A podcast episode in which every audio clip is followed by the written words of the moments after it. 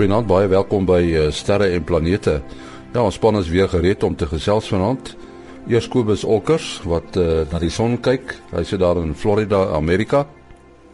En dan praat ons met ons span. Dit is natuurlik professor Mati Hofman van die Universiteit van die Vrystaat in die Boden Sterrewag en Willie Koorts van die SAAO. Maar eers uh, ruimtenuus wat vir ons geskryf is deur Herman Torin. Die Suid-Afrikaanse Ruimteagentskap nooi maatskappye, akademici en wetenskaplikes uit om innoverende voorstelle te doen oor hoe die Spot 6 tegnologie in Suid-Afrika aangewend kan word. Spot 6 verwys na wye hoek satellietfoto's met baie detail oor Suid-Afrika. Die voorstelle moet toon hoe die staat en die private sektor sosio-ekonomiese voordele uit die tegnologie kan put. Die sluitingsdatum is 6 September.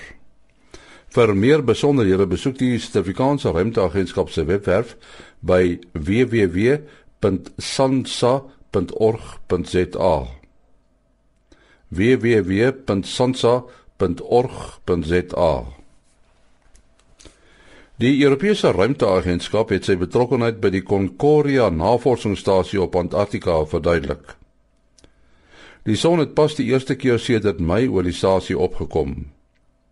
Die tegnieke wat ingespan word om die mense by die stasie se biologiese horlosies by die permanente duister te laat aanpas, is van groot waarde vir ruimtenavorsing, waar die ruimtemanne se biologiese horlosies ook weens die ongewone dag- en nagsensasies sukkel om by te hou. In die internasionale ruimtestasie word die dag-nagsensasie tot 16 keer elke 24 uur ervaar.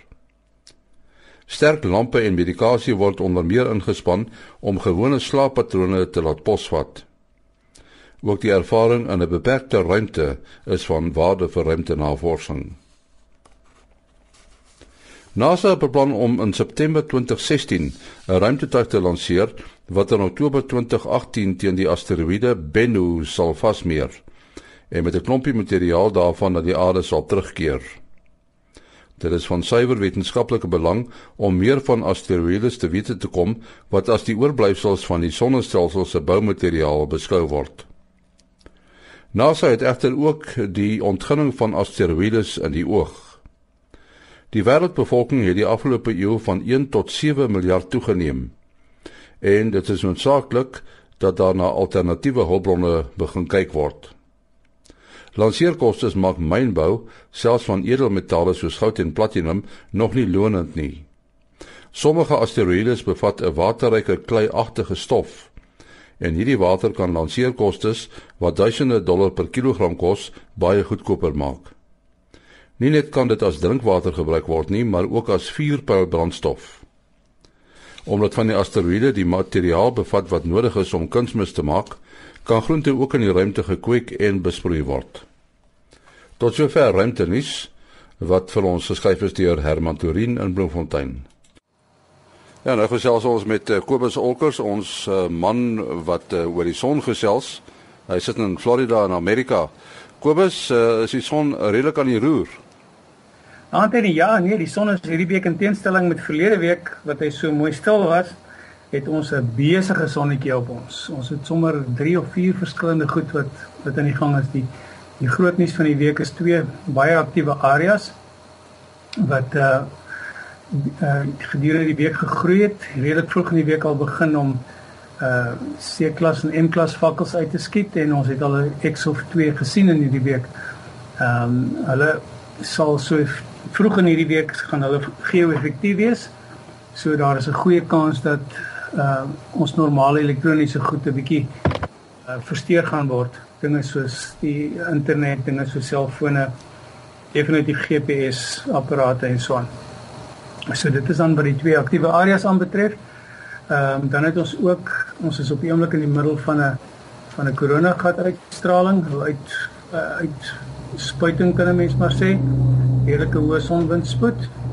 Ehm um, dit beïnvloed kommunikasie en en die soort van ding kan ook tot 'n mate elektriese toevoer uh beïnvloed. En dan het ons uh 3 of 4 massiewe filamente op die son op die oomblik. Ehm um, enigiets van hulle kan uitbars en dan so 2, 3 dae later uh sal ons definitief geomagnetiese versteurings hê. So, uh die son het op lank nie gaan slaap nie. Goed, Kobus, jou besonderhede? Weer SMS asseblief uh, 083 2648038. Dis 083 2648038. Baie dankie, Kobus Olkers in Florida, Amerika. Martin nou uh, in die loop van die program het jy seker nou agtergekom, jy weet luisteraars en wil jy ook dat uh, luisteraars kom met met baie vrae na mense toe en uh, party kan jy antwoord, party kan nou nie antwoord nie, maar Martin, jy het 'n interessante vraag oor uh, asteroïde in die maan. Vertel vir ons uh, van waar af kom dit uh, en, en hoe lei die vraag? Uh ja, uh, partykeer vra die luisteraars nogal baie interessante vrae uh, wat mense so 'n bietjie uh, sien wys dat hulle uh, nogal dink oor goed en so 'n bietjie die kassie uitdink. Uh Skalk Snyman van Barberton bel my vandag en hy wil weet na aanleiding van al hierdie meteoriete en asteroïdes wat ons van hoor wat nou uh, partykeer naby die aarde verbyvlieg teen 'n baie hoë spoed partykeer selfs tussen die aarde en die maan en in terme van die ruimte word die maan gereken as baie naby. Ehm um, en die veronderstelling is nou sê nou maar 'n uh, groot met um, um, uh, maanmeteoriet of 'n asteroïde wat dan nou met die maan bots en dan 'n maanmeteoriet word, uh, kom in en hy bots baie skrams met die maan, so op sy kant. Uh kan hy die maan se rotasie verander. Nou die maan roteer natuurlik, uh, dit lyk nie so vanaf die aarde nie want hy neem net so lank om sy eie as as wat hy neem om uh, eenmal om die uh, aarde te wentel. En dit beteken dieselfde gesig van die maan kyk altyd na die aarde uh, wat nou jammer is. Dit's nou maar as gevolg van getywerking oor die millennia wat die rotasie energie uit die maan uitgedreineer is. Uh, nou wel die maan is 'n massiewe voorwerp uh digtheid baie soortgelyk aan die aarde die radius is uh, wel amper die helfte van die aarde se as ons nou so uh, afrond Nou vir die groot vraag of 'n um, asteroïde dan die maan se uh, rotasie kan verander gaan oor die uh, wel eerstens die spoed waarmee hy inkom en tweedens sy massa. Uh nou die spoed is tipies baie hoog. Ons praat van so 50 km per sekonde. Uh wat moontlik is, dis nou na die hoër kant toe, partykeer stadiger, maar as mens nou veronderstel dis teen 50 km per sekonde nie uh kilometer per uur of meter per sekonde nie, maar kilometer per sekonde, dit is baie vinnig. Dit gee geweldige hoeveelheid energie. Die belangrike ding in elk geval om in hierdie geval te vergelyk is uh nie die die die energie nie maar die draai momentum uh en as mens nou so rowwe berekeninge doen ek het nou so 'n bietjie tyd nog nodig. Uh, skalk het my vanoggend gebel om dit nou meer presies te doen maar dit gaan daaroor watter breekdeel is die asteroïde se massa van die van die uh van die maan. En my voorlopige berekeninge hierso dui darm dit sal so in die omgewing van darm uh, enkele persent van die maan se massa moet wees en dit is baie groot. Uh dit is nie asteroïdes wat normaalweg hier in ons omgewing verby vlieg nie. Uh maar as so iets sou gebeur, dan sou mens dan die die die enigste effek wat dit op die aarde sou hê, uh is dat 'n mens dan met 'n tyd verskillende kante van die maan sou kon sien wat nogal interessant sou wees. Uh in die geval van so 'n botsing, as hy nou nie baie skram sou wees nie, sou hy wel die die maan se baan 'n bietjie kon verander en dit sou weer uiteindelik die afstand van die die naaste afstand van die maan uh vanaf die aarde is 'n maksimum afstand kon verander en dit sou 'n effek op die getye kon hê. Maar dit is natuurlik alles hipoteties. Ons weet nie van so 'n voorwerp wat op 'n soort van 'n baan is uh, wat in elk geval van daai grootte is om in hierdie omgewing van die aarde en die maan te kom nie. Ek het nou interessant gesien in die ehm uh, uh, Sky Telescope uh, Sinisi Thames is hulle besig met 'n eksperiment om om te bepaal hoe sterk is asteroïdes. Nou daar is nou natuurlik 'n sending wat beplan word vir die toekoms wat hulle 'n ruimteskipie wil wil gaan land en ons weet ook van die een wat hulle 'n uh, uh, uh, projektiel op op uh, so asteroïde uh, laat val het en en ook uh, eksperimente daarmee gedoen wat natuurlik onder andere van hulle uh, idees sal kry van hoe sterk en hoe uh, hoe stewig is is 'n asteroïde.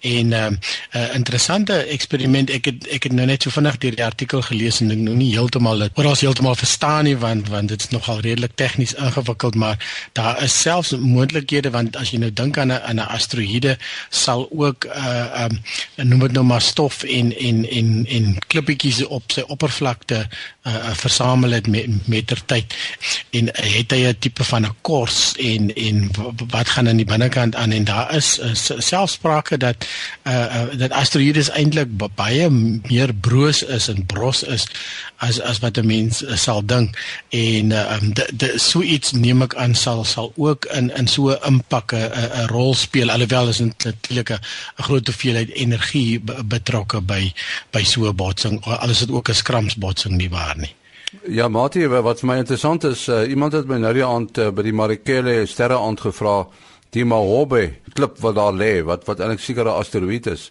Hulle wil toe nou weet waar is die impakkringe wat wat normaalweg teenwoordig sou wees. Uh ja, dit is 'n uh nie so maklike vraag om so op die oog af te antwoord nie. As mens nou vergelyk met die uh, Vredefort impak uh, het die impak baie hoër plaas gevind as wat ons nou is 'n paar kilometer hoog hoër en dit het natuurlik ondergrondse effek gehad via die skokgolwe.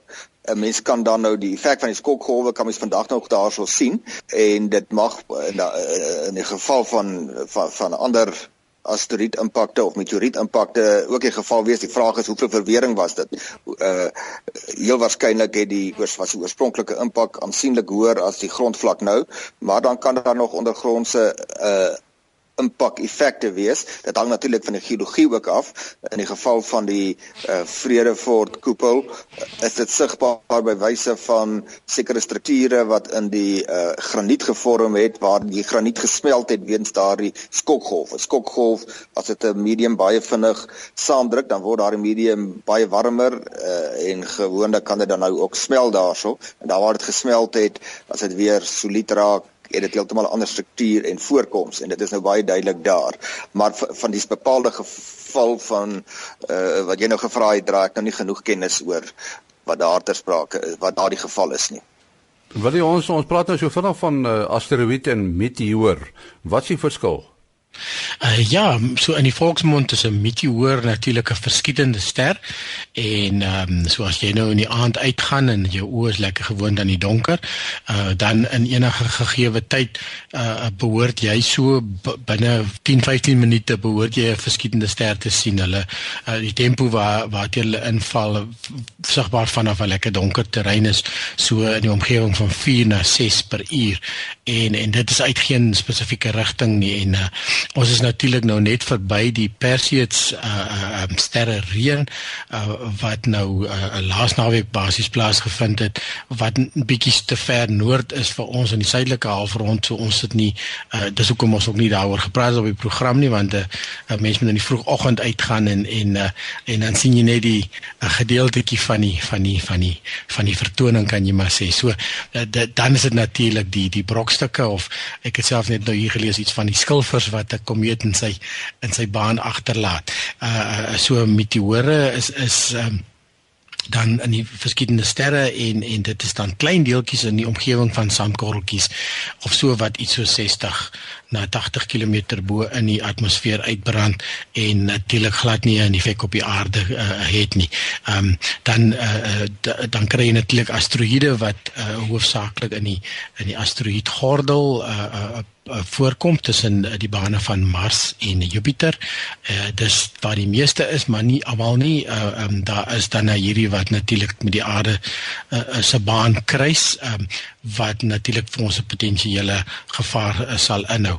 En uh um, natuurlik as 'n meteoor uh dit oorleef en die meteoriet wat julle nou net van gepraat het is natuurlik een van so 'n geval. So dit was 'n uh, bietjie groter as 'n sandkorreltjie definitief oorspronklik uh die ding is dis miskien so groot soos 'n yskas of so iets het dit gedeeltelik in die atmosfeer uitgebrand en sodra dit dan op die aardoppervlak beland en noem ons 'n meteoor dan word dit 'n meteoriet En en mate hierdie hierdie sogenaamde vuurballe wat uh, klassifiseer dit is 'n asteroïde of 'n meteoor? Dit is 'n meteoor wat baie helder is en as hy uh, uh vergelykbaar raak in sy totale helderheid met uh, Venus en die mense kan nou gaan kyk wat dit beteken deur vroeg aand na Venus in die weste te kyk is nou baie helder uh, dan word die meteoor 'n vuurbal genoem en dit is nou maar net as daar die inkomende stukkie ruimteafval of uh stukkie eh, van 'n as baie klein stukkie asteroïde uh, klippie of sandkorreltjie.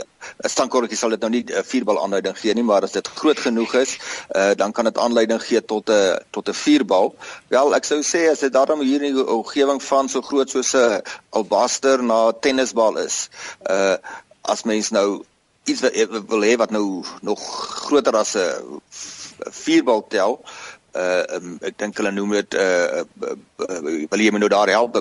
Bolluit uh dan is dit nou kom sê so groot soos 'n rugbybal.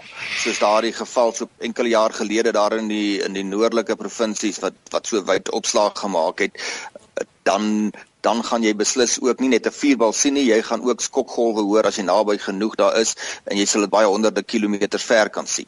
Maar 'n vuurbal is nog nie so helder soos uh so so is nie, so dit moet aansienlik kleiner wees uh as 'n rugbybal. Ek skat dit hier so na die kant van 'n golfbal, tennisbal se grootte. En uh 'n ander ding wat ons ook moet beklemtoon, uh ek het dit nou weer, jy weet die vraag gehad tydens die afgelope naweek is uh jy weet wat is bo en wat is onder in die ruimte? Daar is nie so iets nie, wil jy?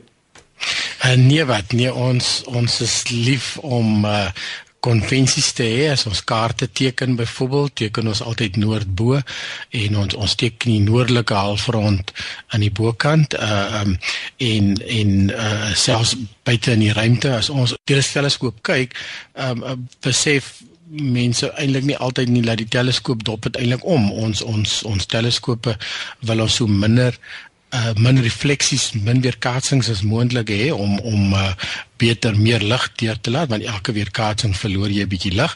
So uh, tipies ons ons teleskope wat ons gebruik vir sterrekunde uh, gee vir jou verkeerd ombeeld en uh en dit dit maak eintlik glad nie saak nie jy daar is nie regtig 'n konvensie van hoe om uh die perkopnevel byvoorbeeld moet wees nie of wat ook al alhoewel oor die jare het dit nou dit lyk net beter as die perd se kop regop sit en nie verkeerd om nie ensovoort. So ja, in die ruimte is daar regtig nie nie 'n bo en 'n onder nie, dit is maar eintlik mensgemaakte konvensies. Uh Mati, uh, ek sien jy sit so met 'n glimlag op jou gesig. Het daar iets gebeur by die uh, planetarium? Uh nee, ja, in die week Dinsdagoggend is die laaste paneel daar heel bo op ons planetarium koepel geïnstalleer. Dit beteken die uh, planetarium of projeksiekoepel is nou voltooi behalwe nou van 'n baie spesiale verflaagie wat hy moet kry. Dit sal seker so 2 dae beslag neem. Uh en dan uh, lê die laaste item van die hele installasie van die planetarium voor en dit is die projeksiesisteem met al die klankstelsels uh wat ons vir ongeveer 7 miljoen rand uit die FSA bestel het. Uh die installasie word eers hierso van 22 September af uh gedoen en dan teen einde September sal die installasie voltooi wees. Maar nou as mens nou in daardie uh, planetarium ruimte inpas, dan lyk dit soos 'n planetarium want jy het hierdie sferiese uh, koepel bo jou. En dit is 'n baie groot mylpaal. Ons is inderdaad baie opgewonde daaroor. Ja, en jy is nie van die weer afhanklik nie, nê? Nee. As dit bewolk is, kan jy voort gaan.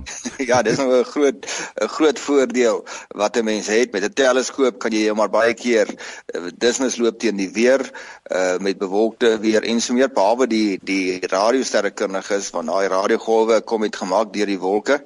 Uh, maar vir die optiese sterrekunde is jy baie baie afhanklik van goeie weerstoestande selfs uh, al is dit nie bewolk nie kan daar nog baie ander dinge in die atmosfeer aangaan uh turbulensie wat kan maak dat jy nie 'n baie mooi beeld kry nie. Val as mens nou so uh, lank al kyk, dan wil jy baie goed kyk. Jy wil nie net sien sien jy kyk na Jupiter nie, jy wil fyn detail uh, in Jupiter se atmosfeer raak sien of jy kyk na uh dis 'n geval vir die amateurs, hulle gaan kyk na die detail kraters en hoe dit verander soos wat die fase van die maan 'n bietjie groei oor die loop van 'n aand. So jy raak nou 'n fyn proewer later en natuurlik veral vir die fotografie uh, is ek jy baie baie goeie atmosferiese omstandighede nodig. Wil jy daar in die Kaap is 'n planetarium, ek weet in Johannesburg is een en dan is dit dan uh, maatie hulle is nou die derde een, maar die eerste digitale een, nê. Nee. Uh, daar is ook een of dalk twee uh opleidingsplanetariums vir die vir die lugmag en die vloot daar in die in die Wes-Kaap of albei nog ten minste een van hulle is nog in werking maar hulle gebruik toerusting wat nog in die 1960s dateer. En hulle kan wel nuttig gebruik word want hulle kan die stervelde wat belangrik is vir navigasie tot vandag toe moet die vlieëniers dit kan doen om met sterre te kan navigeer uh en dit kan dit akkuraat genoeg projekteer Ja, die die uh, ek het nog al die voorreg gehad om om die ou planetariumpie te gebruik alle keer of wat, veral met die voortrekkers en nou die dag ook vir die radioamateurs en en hy is hierso by die Lugmag Museum in by Esterplaat.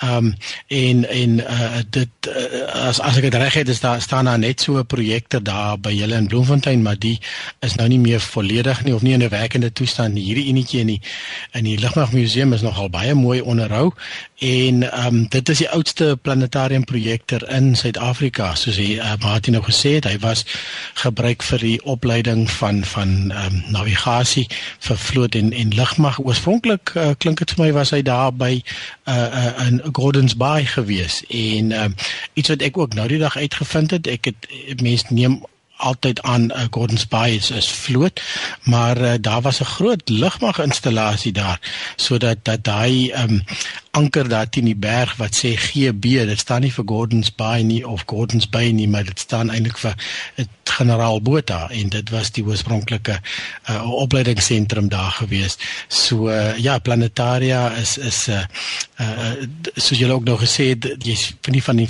weer afhanklik nie en dan en natuurlik ook nie dit kan maak saak of 'n dag of nag buite is nie. Jy kan enige tyd die sterrehemel projekteer teen teen die spesiale koepel Die naam Elon Musk, die duik so elke nou en dan op. Uh, as dit nou nie SpaceX is nie, is dit Tesla en Solar City.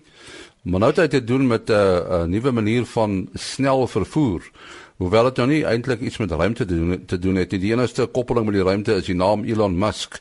Uh ja, Elon Musk het uh, het vir homself 'n naam gemaak. Hy het sy geld gemaak uit die PayPal uh, stelsel om oor die internet te kan betalings doen. So dis weer 'n heeltemal 'n ander uh, terrein. Uh ja, so bietjie meer as 'n jaar gelede het Elon Musk al die mense laat regop sit en nuuskierig gemaak deurdat hy gesê het hy het 'n konsep van baie vinnige en ekonomiese snel vervoer op die aarde en dan het hy spesifiek voorgestel tussen Los Angeles en San Francisco wat so 'n uh, bietjie meer as 600 km van mekaar af is. Hy het dit die naam Hyperloop uh gegee. Mens kan dit seker 'n uh, hyperlus of 'n suigbuis noem. En die idee is dat uh passasiers dan baie vinniger van en geriefliker van die een stad na die ander sou kon reis as met 'n straalvliegtuig. Ja, die die voordeel van die van die hyperlus teenoor die straalvliegtuig sal kom dat hy baie vinniger sy spoed kan bereik en weer kan vinniger kan stop vir 'n straalvliegtuig is die uh opstygtyd is lank en die landingstyd is lank is baie ingewikkelder. Uh Elon Musk voorsien dat met die uh, kom sê die kapsule van die uh Hyperlus sal so gereeld as elke 30 sekondes kan vertrek en 'n hele paar passasiers kan huisves wat dan tot naby die spoed van klank sal kan uh versnel.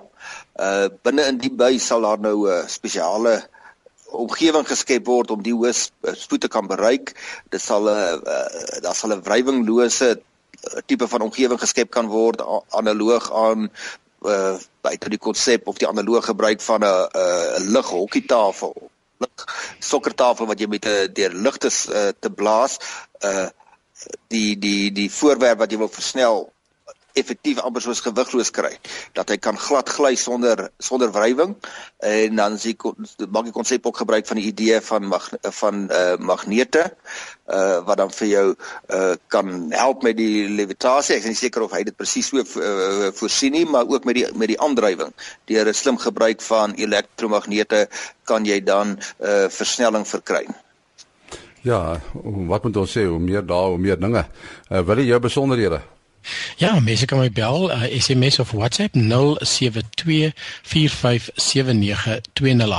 0724579208. Mati?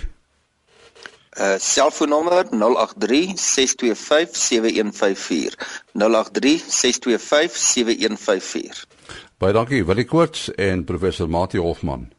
En om hier af te sluit so 'n stukkie interessante nuus en dit is die uh, antwoord op die vraag oor hoe 'n mens na die kleedkamer gaan in die internasionale ruimtestasie.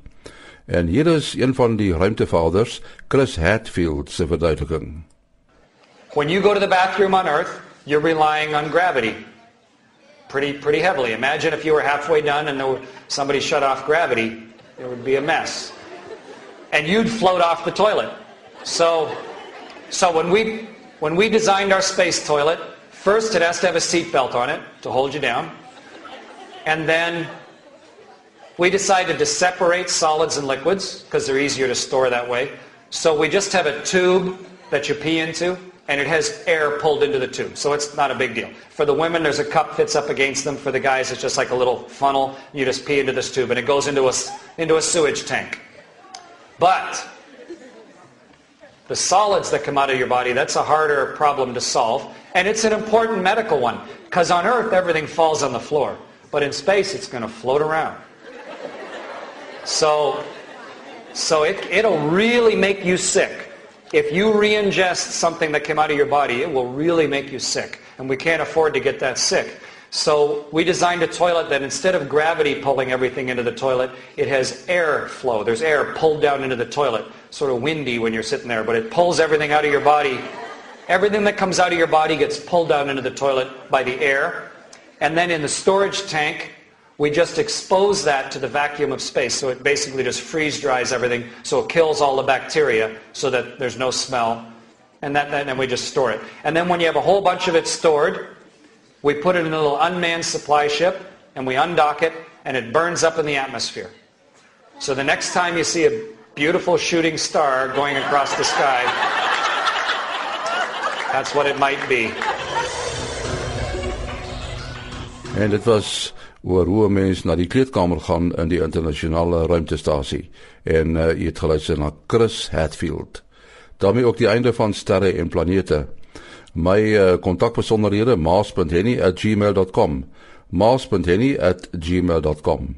Tot 'n volgende keer, mooi loop.